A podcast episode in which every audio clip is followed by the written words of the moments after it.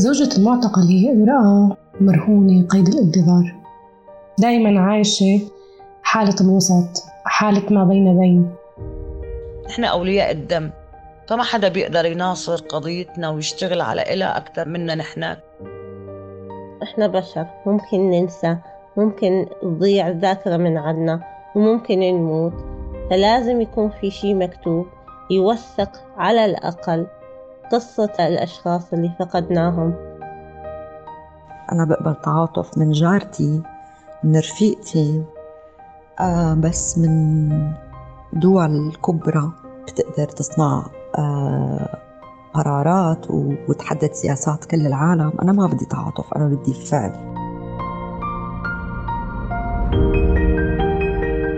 بودكاست قيد من إنتاج سوريا على طول.